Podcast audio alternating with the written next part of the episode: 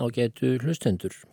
Í þættunum fyrir viku var ég nýbyrjaður að lesa úr sagnaþætti sem Benjamin Sigvaldason skrifaði eftir Ólínu Yngibjörgu Ólafsdóttur sem fættist á bænum Undirvegg í Kjeldukverfi árið 1867. Bæjarnafnið eitt sínir að þetta var ekki stórbíli og Ólína ekki ef ríku fólki komin. Undirvegg hétt bærin. Ólína var byrjuð að segja frá föður sínum Ólafi Gabrielsinni sem fættist 1819, ólst upp á rakningi, skrifur hún, og átti ílt allæti, mjög ílt allæti, segir hún raunar. En Ólafur komst í fóstur hjá að getum presti og var síðar vinnumadur á núpi í aukstarfyrði. Tildraug þess að hann fór á núp voru þau að þar varð mikill draugagangur árið 1844 og nýr bondi þar, Friðrik Árnason, repstjóri, átti erfitt með að fá vinnufólk því allir voru hrættir við draugin. Benjamin skrifaði eftir Ólínu Hitti Friðrik þá föður minn að máli og sagði honum frá vandraðum sínum en fadur minn var þá vinnumadur að hóli á hólsfjöllum. Létt þá fadur minn orðfalla um það að hann væri alls óhrættur við draugsa og hvaðst ekki skilja þetta háttalag fólksins. Þar sem fadur minn var fámæltari en almennt gerðist þá vöktu þessi ummæli hans þeimun meiri aðtikli. Friðrik reyndi því með öllum hugsanlegum ráðum að fá hann fyrir vinnumann og var það að lokum að samningum með þeim. Að fadur minn réðist til hans og var hjá honum í eitt eða tvö ár. Eftir þetta rættist eitthvað úr vinnufólksleysinu fyrir friðriki en þrátt fyrir það farnaðist honum raunar ekki vel á núpi hvort sem það hefur verið draugsa að kenna eða af öðrum ástæðum. En frá núpi fluttist fadir minn aftur upp á hólsfjöld eftir þetta eitt eða tvö ár og var þá enn á sama heimilinu á hóli þar til hann kvæntist fyrir konu sinni. Á þessum árum var það sögn frekar gott árferði á Íslandi, svo að vinnumenn á hólsfjöllum munu hafa efnast vel. Það er enginn vafa á því að fadur minn var að mista kosti orðin sæmilega efnaður þegar hann kvæntist af vinnumanni að vera að mista kosti, en það fekk hann góða og myndarlega konu. Á fyrirhelmingi síðustu aldar, þar að segja þeirrar nítjándu, Þá bjó sterk efnaður bóndi í Hafrafellstungu í Öksarferði er hétt Eiríkur Sigvaldason. Sónarsónur Eiríks Styrbjörnssonar hins sterka sem var þekktur maður á þeim tíma. Eiríkur átti nokkur börn og meðal þeirra var Sigvaldi, fættur 1831, er bjó eftir föður sinn í Hafrafellstungu og allt framundir síðustu aldamót. Þá var þann blindur og hætti búskapin lifði þar til 1917. Sigvaldi var mæturbóndi og repstjóri um skeið. Ein af dætrum Eiríks í Havrafellstungu hétt Solveig en hvernig sem á því stóð þá ólst hún ekki upp heima hjá fóröldurum sínum því þegar hún var fimm ára var hún komin í fóstur til efnaðara hjóna á grímstöðum á Hólsfjöllum. Jóns Sigurðssonar og konu hans. Má vera að hún hafi verið enn yngri þegar hún kom að grímstöðum. Og þar átt hún heima eftir það þar til hún giftist. Talið er að Solveig hafi verið mest að myndar stúlka svo sem hún átti kyn til.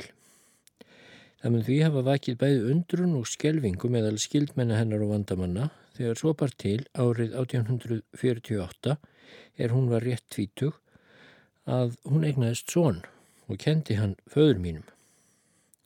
Ekki stóð á honum að kannast við drengin sem skýrður var Jóhannes. Þegar það kom fyrir ógifta stúlku á þeim árum að eignast barn í lausaleik var það talin heilu og skilda aðstandenda hennar að koma í vekk fyrir að hún og barsfæðurinn ættu þess kost að sjást framar og var þess vandlega gætt að slíkt kemi ekki fyrir aftur. Á þennan hátt átt að koma í vekk fyrir að annað barn kemi undir en á því þótti ávalt nokkur hætta. En nú er það af Ólafi föður mínum að segja að hann var ekkert gert ná að fara tróðunar slóðir eða fylgja venjunni og sett um síðareglum. Heldur vild hann fara sínu fram, hvað sem aðrir sögðu. Það er ekkert vafa málað honum þótti vandum solveigu og hefur hann því viljað kongast henni. En talið var að með þeim væri ekki fullkomið jafnræði þar sem hún var af efnuðu fólki komin en hann af óþektri ætt sem enginn vissi skil á. Það kann að hafa bætt nokkuð úr skák fyrir honum að hann var komin í sæmileg efni, hér, hér var komið sögu, en uh, hvort sem um þetta hefur verið þingað, lengur eða skemur, þá er það sannast mála að fadur minn braud alla mótspyrna og bakaftur og fluttist aðgrímstöðum til unnustunnar þvert ofan í venjuna og var þar eins og þau fluttist bæði alfarin af hólsfjöllum og settu staði í Havrafellstungu. Þar genguðu í hjónaband í oktober 1849. Þá var Solveig talinn 21 árs en Ólafur fadur minn var þá rétt 30. Vorið eftir 1850 fluttist þau að Ærlæk og bygguð þar frekar góðu búi og eignuðist mörg börn sem þeirra dóu ung en fleiri náðu þó fullóninsaldri og urðu fjörgömmul. Meðal þessara hálsískina minna má nefna Eirík, Guðmund og Ólöfu sem öll þóttu mjög greint og myndarleg. Engum heyrði ég talað um Eirík sem afbragð annar manna. Drengurinn sem bar nafn sér að Vernhards andaðist ungur var mér sagt að hann hafi þótt mjög efnilegur. En þessi þrjú hálsískini mín fóru öll til Vesturheims. Sagt var mér að sambúð þeirra föður míns og sólvegar hafi verið í besta lagi. Það var því mikið áfall fyrir hann þegar hún andaðist hinn 31. oktober árið 1859 frá stórum barnahópi aðeins 31 árs. Þótt fadur minn væri hraustmenni til sálar og líkama. Þá mun þetta áfall hafa gengið svo nærrónum að hann var ekki í byli sami maður og áður. Því mun það og hafa verið að hann hætti búskapnum en ekki sökum fátæktar heldur vegna áfallsins sem hann varð yfir, varð fyrir.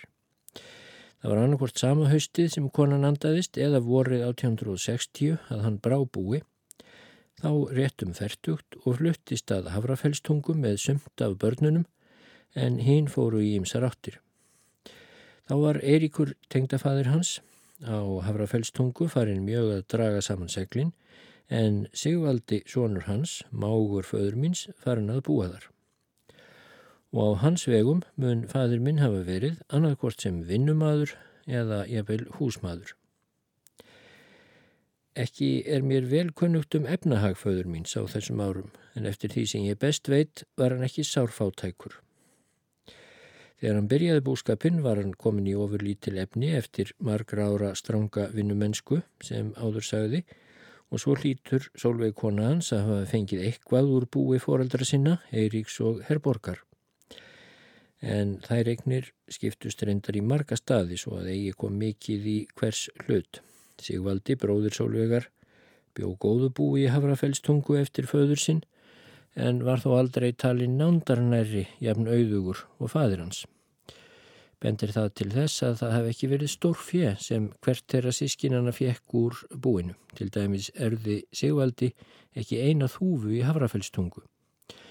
Hins vegar fjekk Guðrún sístinans hálfa jörðina, svo að í hlut solvegar hefði átt að koma jafn mikið af öðrum eignum sem jarðar verðinu nam, en Sigvaldi hefur eflaust fengið í sinn hlut búfjö svo og búslóð að sjálfsögðu.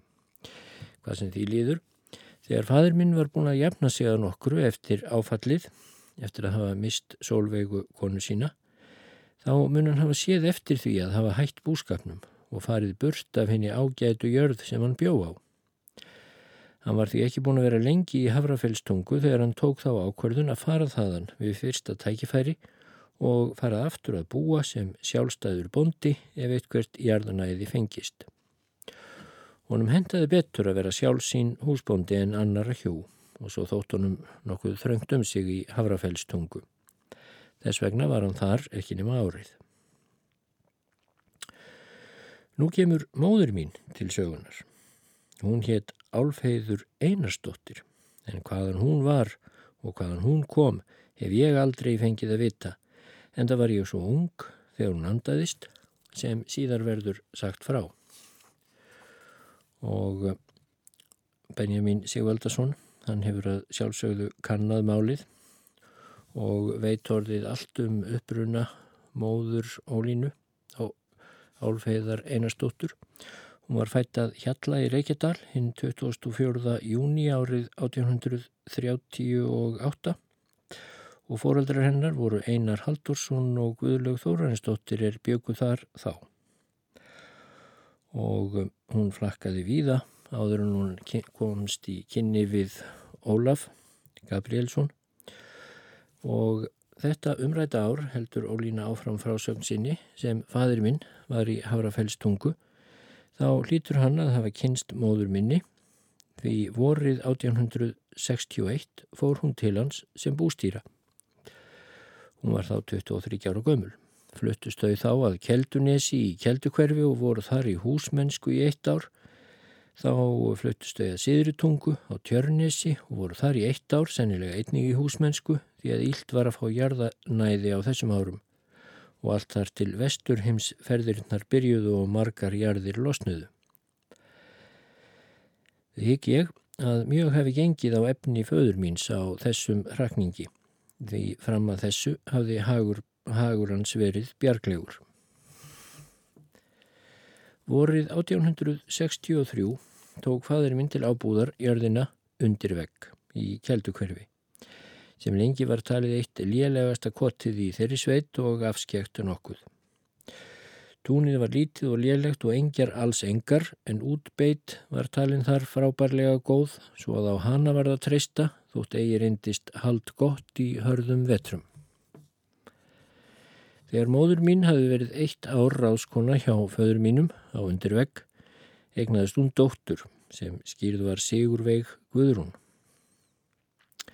Og enn leið meirinn ár, þá loksins genguðu í hjónaband, því að í þá daga mun annað eigi hafa þótt viðeigandi eins og komið var högum þeirra. Giftingin fór fram hinn 25. oktober 1865. Næsta part þeirra var ég sjálf skrifar Ólína og er þess getið í upphafi sögunar hvenar ég fættist 25. mæ 1867. Fóreldrar mínir byggu í undirvegg í sjö ár alls eða til vorsins 1870 og mun hafa vegnað sæmilega eftir, aðst, eftir ástæðum. Á þessum árum voru tvö bíli í Búrfellsheiði. Siðra bílið nefndist Kvannstaðir og tilheyrir nú fjallarheppi en hitt hétt Foss og tilheyrir Öksarfjörðarreppi. En þessi reppar voru þá einn reppur og hétt Skinnastæðarreppur. Ekki var meira en stundargangur á milli bíla þessar, Kvanstaða og Foss. Foss er í landi Havrafellstungu. Þar höfðu lengi búið hjónin Bjarni Pétursson, gáfu og bókamaður mikill og kona hans Adalbjörg Pálmadóttir. Á meðan Bjarni bjóðað fossi hafði komið þar upp óskaplegur draugagangur sem varð svo magnaður að hann varð að flýja þaðan með sitt fólk. Er það enni minni manna og þótti ærið merkilegt að þá er hann fluttist frá fossi voru í farangri hans meðal annars tvær eða þrjár kistur fullar af bókum því hann var bókamaður mikill, fróður og stálminnugur og vildi forða bókunum undan draugnum. Eftir að Bjarni fór frá fossi hafði drauksi haldið sig trúlega við bæin og gert rækilega vart við sig hvenar sem þangað var komið. Það var því síður en svo álitlegt að flytjast þangað og setjast þar að. En fadur minn hafði enga trú á draugum frekar en forðum er hann gerðist vinnumadur og núpi eftir reymleikana þar. Hann lagði því engan trúnað á þann orðróm sem fór af kvotinu svo að þetta var engin hindrunir til þess kom að hann tæki foss til ábúðar vorið 1870. Líklegt er að Sigvaldi Mágur hans í Hafrafellstungu hafi frekar kvattan til að flytjast austur í heiðina og fara að búa á fossi þar sem Sigvaldi hafði yfir gotinu að ráða en það var ekki eftirsótt. Hins vegar gata líka nokkur um ráðið að Bjarnar hafði liðið þarna sæmilega allt þar til draugurinn tók að drepa skefnur hans og það vissi fadur minn væntanlega. Og þar sem hann rættist ekki draugin hefur hann að sjálfsögðu vænst þess að þarna myndi honum búnast vel. En hvernig sem á þetta er litið verður annað sagt en fadur minn hafi með þessu sínt alveg óskiljanlegan kjark þar sem mikil harðindi voru hann í afstæðin og var í raunin ekki séð fyrir endan á þeim hvað sem draugagangi leið.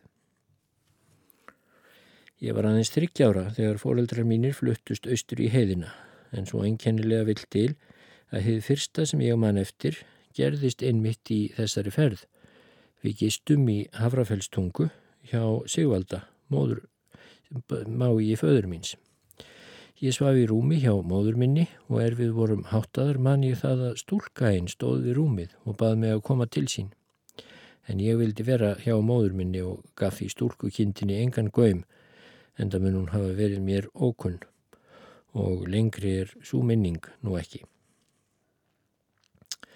Dægin eftir var haldið af stað og lagt á heiðina var farið sem leið lág fyrst austur allatungu heiði, síðan yfir fjallgarðin og austur búrfellsheiðina, þar til komið var austur að fossi. Bærin stóð síðst og austast í þeim hluta búrfellsheiðar sem tilherir auksarfyrði. Þar sunnan við tekur við sá hlutin sem tilherir hólsfjöllum en annan norðan eru hinnar viðlendu afréttir þistilfjörðar. Skamt sunnan við hreppamörkin stóð kvannstaðir sem fyrir nefndur og tilherir hólsfjöllum, verður minnst á þann bæ síðar.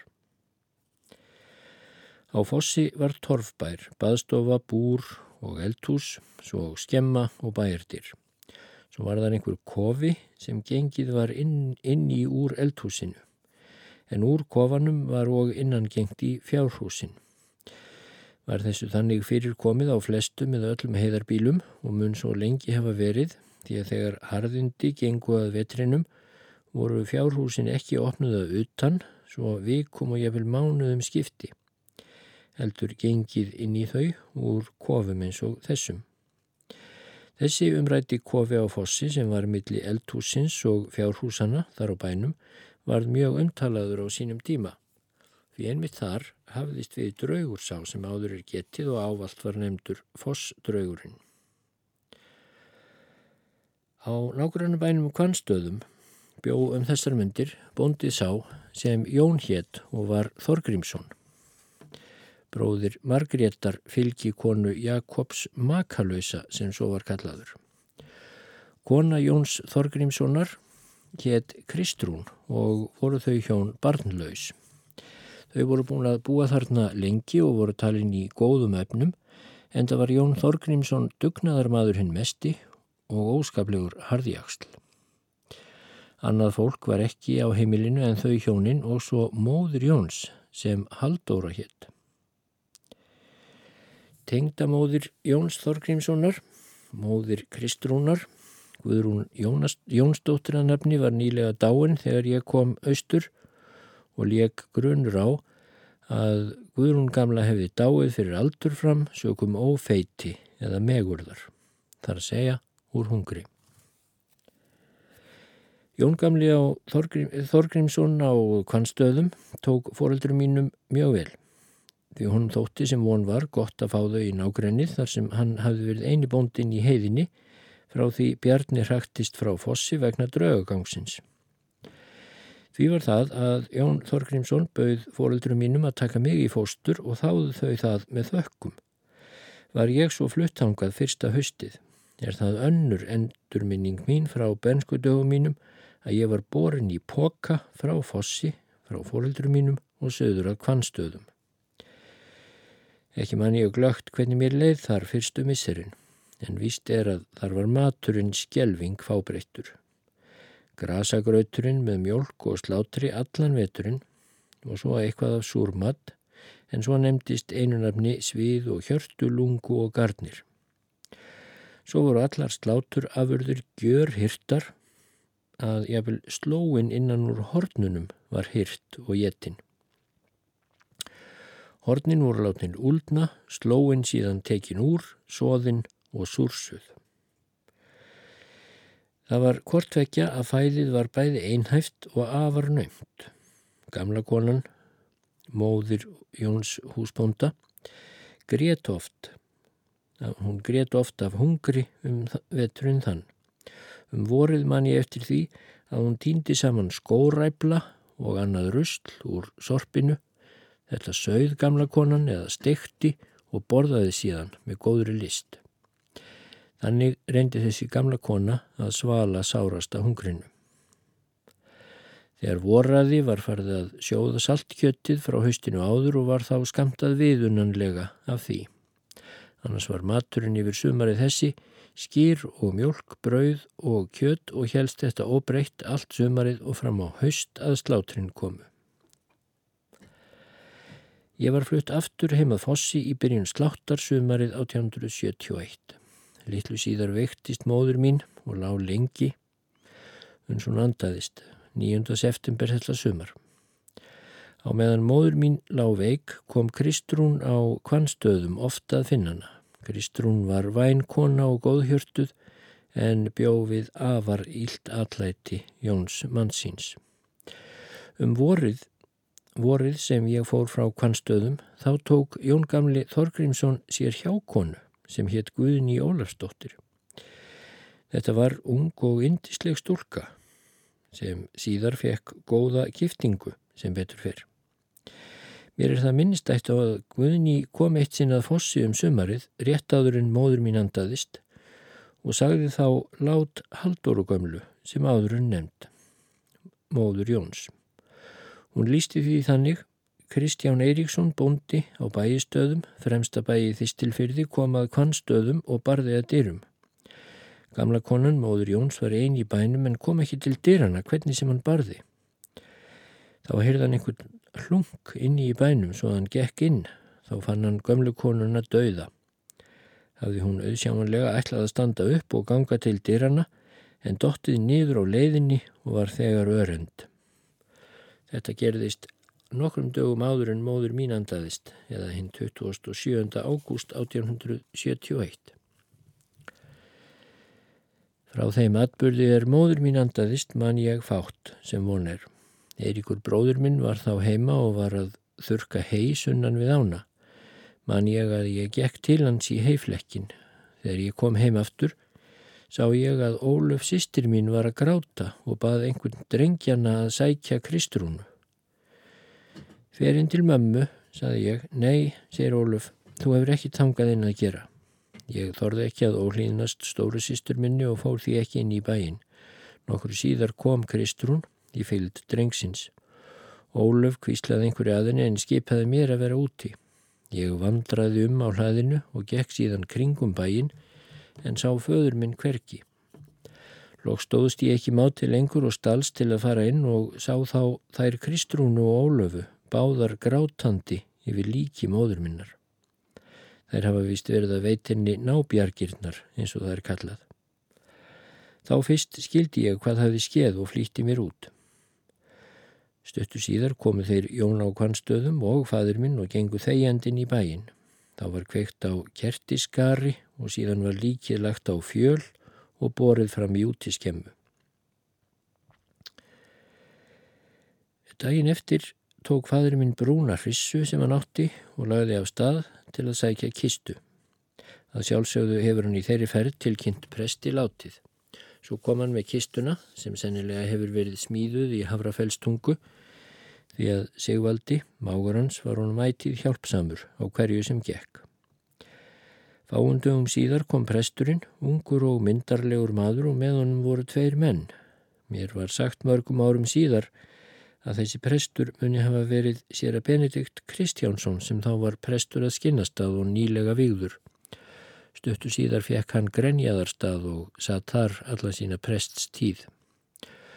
Nokkur eftir að presturinn kom man ég að skemman var opnuð og síðan helt presturinn húskveðjuna. Kistan komst ekki inn í skemmuna, svo bera varðu líkið út og kistuleggja á hlaðinu. Þá var gefið kaffi sem var fágætur drikkur þarna í heiðinni og að því loknu var haldið af stað með kistuna. Ekki mann ég hverjir þessir tveir menn voru sem komu með prestinum en þeir hjálpuðu til að koma líkinu ofan í byggðina en svo leið mun hafa verið 6 til 7 tíma lestargangur. Ég man það enn í dag að þegar lagt var á stað með lík móðurminnar var gott veður og sól komin á vesturloft. Ég var úti og grét skelvilega mikill uns ég fór henn í bæ og sopnaði. Ekki létt Jón Gamli Þorgrímsson á kvannstöðum jarðsingja móður sína samtímis og móður mína en það þótt hún andaðis næstum hálfum mánuði fyrr en móður mín. Jón vildi engar frátafir hafa um sláttin og hefur vist fundist að hreitn óþarfi af kellingunni móður hans að deyja á þessum tíma, það er á háslættinum. Hann gaf sér því engan tíma til að koma móður sinni í jörðina fyrir en slætti var lokið og mestu haust önnum því það var ekki fyrir en 8. oktober um haustið sem hún var til moldarborin og hafið þá staðið upp í eina þrjá mánuði. Um haustið var ég aftur fluttað kvannstöðum og var þar óslítið þar til ég var tí ára, eða 1877. Ég var sett í poka eins og í fyrra skiptið og borin söðrættir.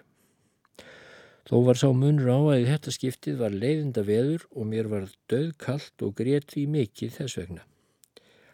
Ég hygg að það hef verið fadur minn sem bar mig söðrættir eða þá að hann kom að heimsækja mig stuttur síðar því ég mann það svo glögt að þegar hann var að fara þá gaf hann mér bleikrauðan silkiklút sem veslingsmóður mín hafði átt. Mér leittist óskaplega á kvannstöðum því ég saknaði gömlukonunnar svo mikið. Hún hafði verið mér svo framúrskarandi góð svo mér brá nú heldur við að ég ekki lengur skjól í hodninu hjá henni. Þetta var dæmalus gæða manneskja hún haldóra gamla og það var sannarlega hryllilegt hvað sonurinnar hafði verið bölvaður við hana. Gæti ég sagt ímsar sögur af orðaskiptum þeirra, en ég hygga að best ég að ræða sem minnst um það. Þó skal hér sagt frá einu atviki sem bregður upp glöggri mynd af hrissingshætti og ruttaskap Jóns Þorgrímssonar við móður sína. Gamla konan hafði einhverju sinni spurt með mestu hægð hvað myndi verið orðið framorðið því að vitanlega hafði hún enga klukku. Þá kvæsti sonurinnar, ég held þú getur skammast út og hort á sólina.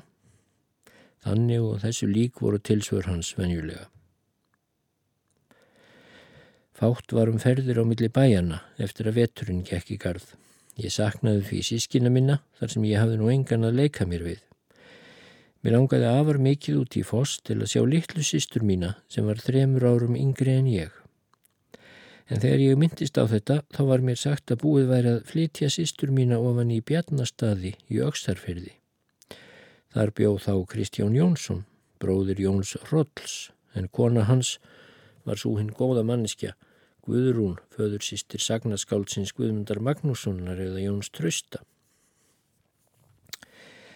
Fadur minn bjó aðeins þrjú ár á Fossi en flutti staðan að Þorsteinstöðum á Langanissi. Veturinn áður en hann flutti var hann oft langt völum að heiman en let börn sín hyrða skefnurnar. Nú verður að geta þess að þegar hann kom að Fossi þá hafði hann hlaðið upp í dýr kofans þar sem hinn allræmdi Fossdraugur helt til en það brá svo við að ekkert hyrðist til dröksa í hálft þriði ár sem henn voru farnir að halda að hann hefði að fullu lokið sinni tilveru. Í fullu trausti þess að svo væri hafði fadur minn rifið úr fyrrnemdum kofadýrum haustið 1872 svo að börnin getu gengið þar um og gefið fjennu án þess að fara út svo sem venn ég var til á heiðarbílunum eins og ég sagði áðan. Skömmu síðar fór svo fadir minn austur á Langanist til að undirbúa búskapin þar og draga að trjávið til húsagerðar á Þorsteinstöðum áður en hann flytti stangað. En strax og hann var farin og börnin voru ein eftir þá brá svo við að draugagangurinn hófsta nýju og gekk þá allt í hamförum. Draugurinn let öllum ílum látum og let meðal annars tað hríðin að dinja á baðstofuhurðinni. Sískin mín voru fjögur þarna í kotinu og hafði ekki önnur ljósfæri en kerti sem þó voru mjög af skortnum skamti. Þau urðu sem von var ofsa hrætt og treystust ekki til að dveljast þarna nætturlangt. Því tóku þau það ráð að flýja fram í kvannstaði um miðjanótt einhverju sinni og báðu að lofa sér að likja þar inni. Dægin eftir taldi Jón Gamli í þau kjarkin svo þau fóru út eftir til að gefa skefnunum. Eftir þetta dvöldust þau mest á fossi þrátt fyrir draugagangin sem var lítið eitt vægari eftir því sem á leið. Þá hafðu þau líka nægilegt ljósmetti og svo var fadur minn heima öðru hverju og þá bara ættið minna á draugsa. Öllu þessu reytti svo förðanlega af og sem betur fer drap draugurinn enga skeppnu í þetta sinn. Um vorið 1873 fluttist fadur minn með börn sín austur svo sem ráð var fyrir gert en ég var eftir á kvannstöðum svo sem fyrir segir. Að Fossi fluttist engin síðan og var kotið í eyði í fjögur ár. En þá fluttist þangað Kristján Eiríksson frá bæistöðum sem fyrir var nefndur og bjóð þar í tvö ár þegar hann kom að Fossi og straugagangurinn að nýju og með enn meiri krafti og djöflagangi en nokkru sinni áður. Á þessum tveim árum drap draugurinn fyrir Kristjáni kringum 30 fjár og þar að ekki einn hest. Þetta var til þess að Kristján flúði frá kottinu og fór til Vesturheims árið 1879. Kristján þessi var endar besti maður og bráð skinsamur, hann var laus við alla hjátrú og ætlaði aldrei að trúa því að hér veri draugur að verki. Enda hefði hann aldrei flust á kottið ef hann hefði lagt hinn minsta trúnað á þær voða sögur sem gengu af fóströgnum áður en hann fluttist ángað. En svo fór að hann varða viðurkenna þá staðrind að draugurinn let ekki að sér hæða og var annað og meira en ímyndun einn og því var það að Kristján flúði til Ameríku. En þegar fadur minn hafði farið frá fossi þá átt hann eftir talsvert mikið af hegjum, þótt ótrúleitt kunni að þykja þar sem þetta var heiðarkott og skefnum hafði verið gefið inn í mestallan veturinn. Þetta er þó sannleikanum samkvæmt ég mann það vel að Jón Gamli Þorgrímsson á kvannstöðum kefti allt hegið og gaf það veturinn eftir.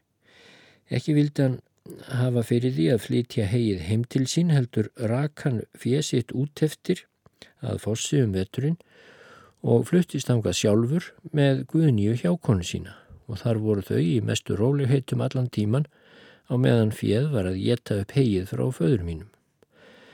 Nægum atvæli flutti Jón með sér út eftir að fossi svo þau Guðnýj gáttu lifa þarna sældar lífi. En allan þennan tíma vorum við Kristrún, kona Jóns, einar heima á kvannstöðum og höfðum afar lítið að borða því að Karlinn læsti niður matarbyrði sínar sem munu hafa verið afar miklar. Af þessu hungri leittist það að Kristrún vektist af skýrbjúk þegar leið á etturinn 1874 og lág lengi. Þannig leið tíminn og við vorum tvær einar á kvannstöðum þar til fregninum veikindi hennar barst upp að víðurhóli á hólsfjöllum. Þar byggu þá merkisjónin Jón Árnason og Kristín Eiríksdóttir. Kristín var sýstir Sigvalda og Solveigar fyrir konu föður míns. Þegar hún frétti hvernig ástatt var á kannstöðum sendi hún tafarlaust menn með hest og sleða út í heiðina til að sækja Kristrúnu. Þegar Kristrún kom svo að Víðurhóli var hún svo langt leitt að ekki tókst að bjargani þótt hjónin þar gerðu allt sem í þeirra valdi stóð til þess að henni mætti batna. Kristrún andaðist á Víðirhóli viku eða halvum mánuði eftir hún komðángað. Ég var rétt sjö ára þegar Kristrún andaðist. Saknaði ég hennar óumræðilega mikið því að hún var mér góð þótt að stæði ekki á hennar valdi að segja hungur mitt. Þar sem henni var skamtað allt í hendur af Jóni svo nömt að telja má mestu furðu að ég skildi ekki fara sömuleið og hún móðurennar og tengdamóður.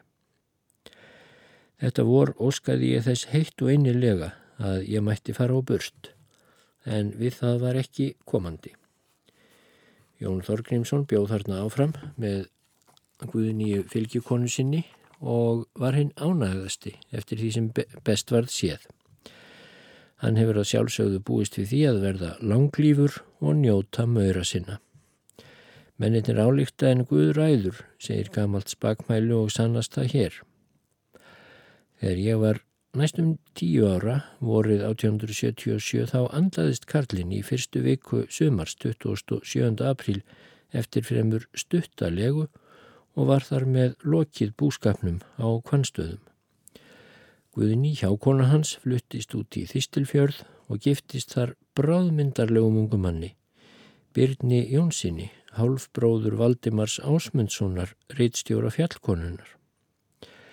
Þau byggum tíma á heiðarbílinu Hvappi í Þistilfyrði en fluttust svo til Vesturheims árið 1886.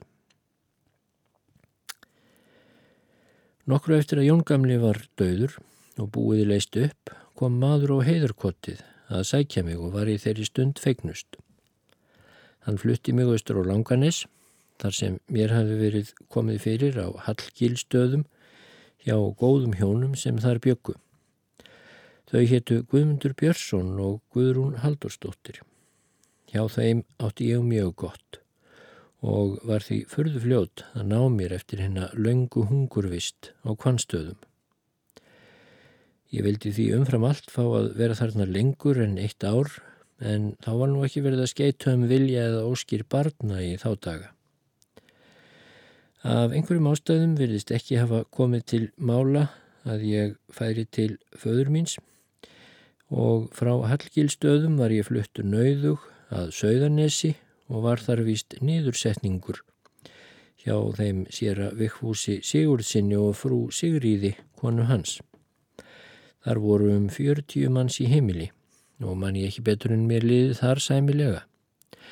En eftir árið var ég hrakinn þaðan og fluttað Lagsárdal í Þistilfyrði. Þar var ég 2 ár sem niðursetningur en að þeim loknum var ég fermt því að þá var ég orðin 14 ára. Eftir það var ég þar vinnukonna í nýju ár og síðast tvö ári í sjálfsmennsku, svo alls var ég þar í 13 ár. Fyrstu árin leiði mér þar fremur ítla, en síðan fór vistin smám saman batnandi, svo ég var fann að unna mér þar vel síðustu árin. Þegar ég var búin að vera vinnukonna í Lagsardal í sjö ár og orðin 21 árs að aldri, þá giftist ég Maðurinn minn var vinnumadur þar á heimilinu, Veikfús Jósefsson frá Krossavíkur seli. Eftir giftinguna vorum við í tvö ár bæði í vinnumennsku en síðan var ég þar tvö ár í sjálfsmennsku en maðurinn minn var þar vinnumadur áfram þar til vorið 1892. Þá fengum við byggingu á hálri jörðin í grímstöðum í Þistilfyrði og byggum þar við tiltak, tilfinnanlega fátækt og mikla ómegð í átján ár. Var þar háð hörð og ströng barátta sem ekki verður með orðum líst. Vorið 1910 fluttum við frá Grímstöðum og fórum að búa að Kúðá í sömusveit og leið okkur þar miklum mun betur. Hér á Kúðá hef ég lifað mína bestu daga og vonast eftir að þurfu ekki að fara hérðan lifandi. Mannin minn misti ég eftir 44 ára hjúskap en þá voru börnin okkar komin upp. Síðan hef ég verið hér hjá börnum mínum og liðið vel eftir ástæðum því að heilsan hefur verið förðu góð þó aldrei hef ég hlýft mér um dagana. Við hjónin egnuðumst alls tíu mannvænleg börn og eru nýju á lífi þegar þetta er skrifað. Barnabörn mín eru orðin fjölmörg og þar þau gera nokkur barna barnabönn sem fjölgar með hverju árunnu sem líður. Nú er æfa sig að mín á enda, þótt hún þykir sjálfsagt ekki merkileg, þá gefur hún þó óneitanlega ýmsar markverðar upplýsingar um líf alþýðunar á síðari helmingi 19. aldar. Ólína Yngibjörg Ólastóttir lest háaldruð 1952.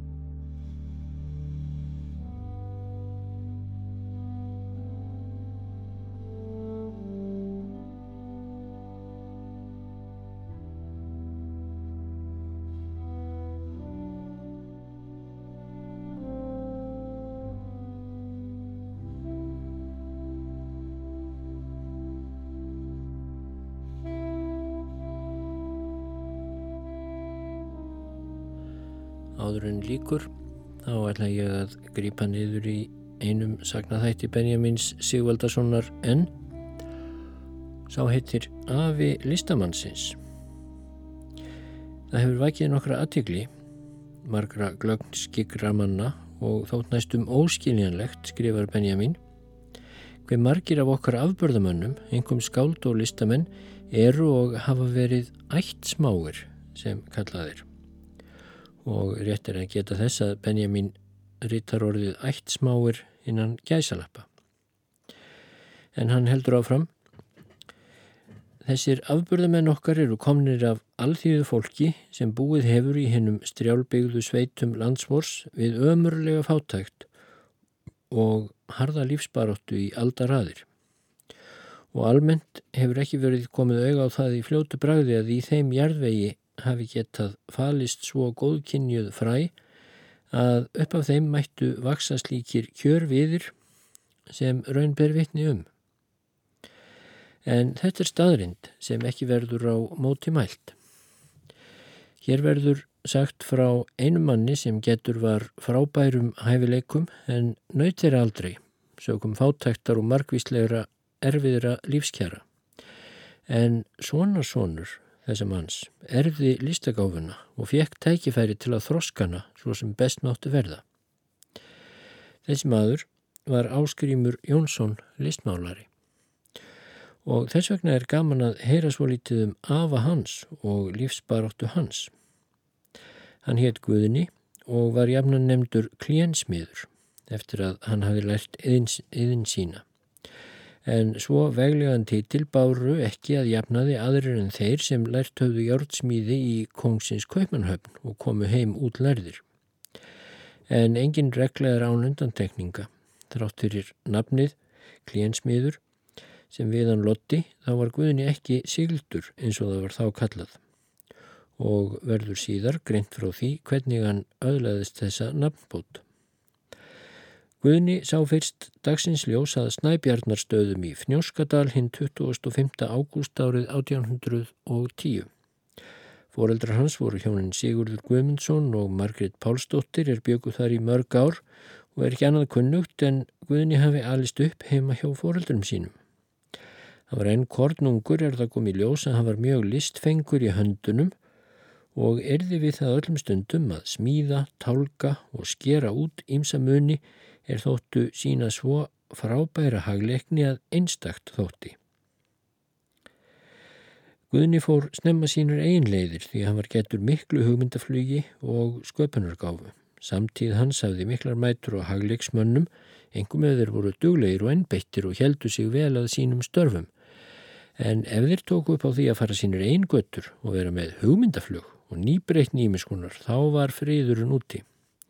Þá var þeim óhikað spáð því að þeir eruðu ólánsmenn og göttu slíkra pilda vildi engin greiða. Allir sem komast vildu áfram urðu að fara hinn að tróðunust lóðu vanans og bregða þar ekki útaf í neinu. Guðuna langaði snemma til að komast að heiman og læri eitthvað sem hugurinn stemdi að, en til þess voru litlir möguleikar, en það enginn sem kvartan eða leiðbendunum í því efni.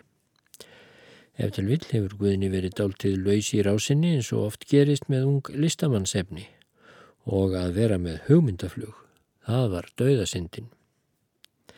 Það var ekki fyrir en Guðni var orðin rúmlega tvítugur að hann lagði leið sína að heiman. Hann kvatti þá dalinn sinn þrönga og stemdi til eigafjörðar því þar taldi hann helst fyrir að tækifæri til að framast nokkuð.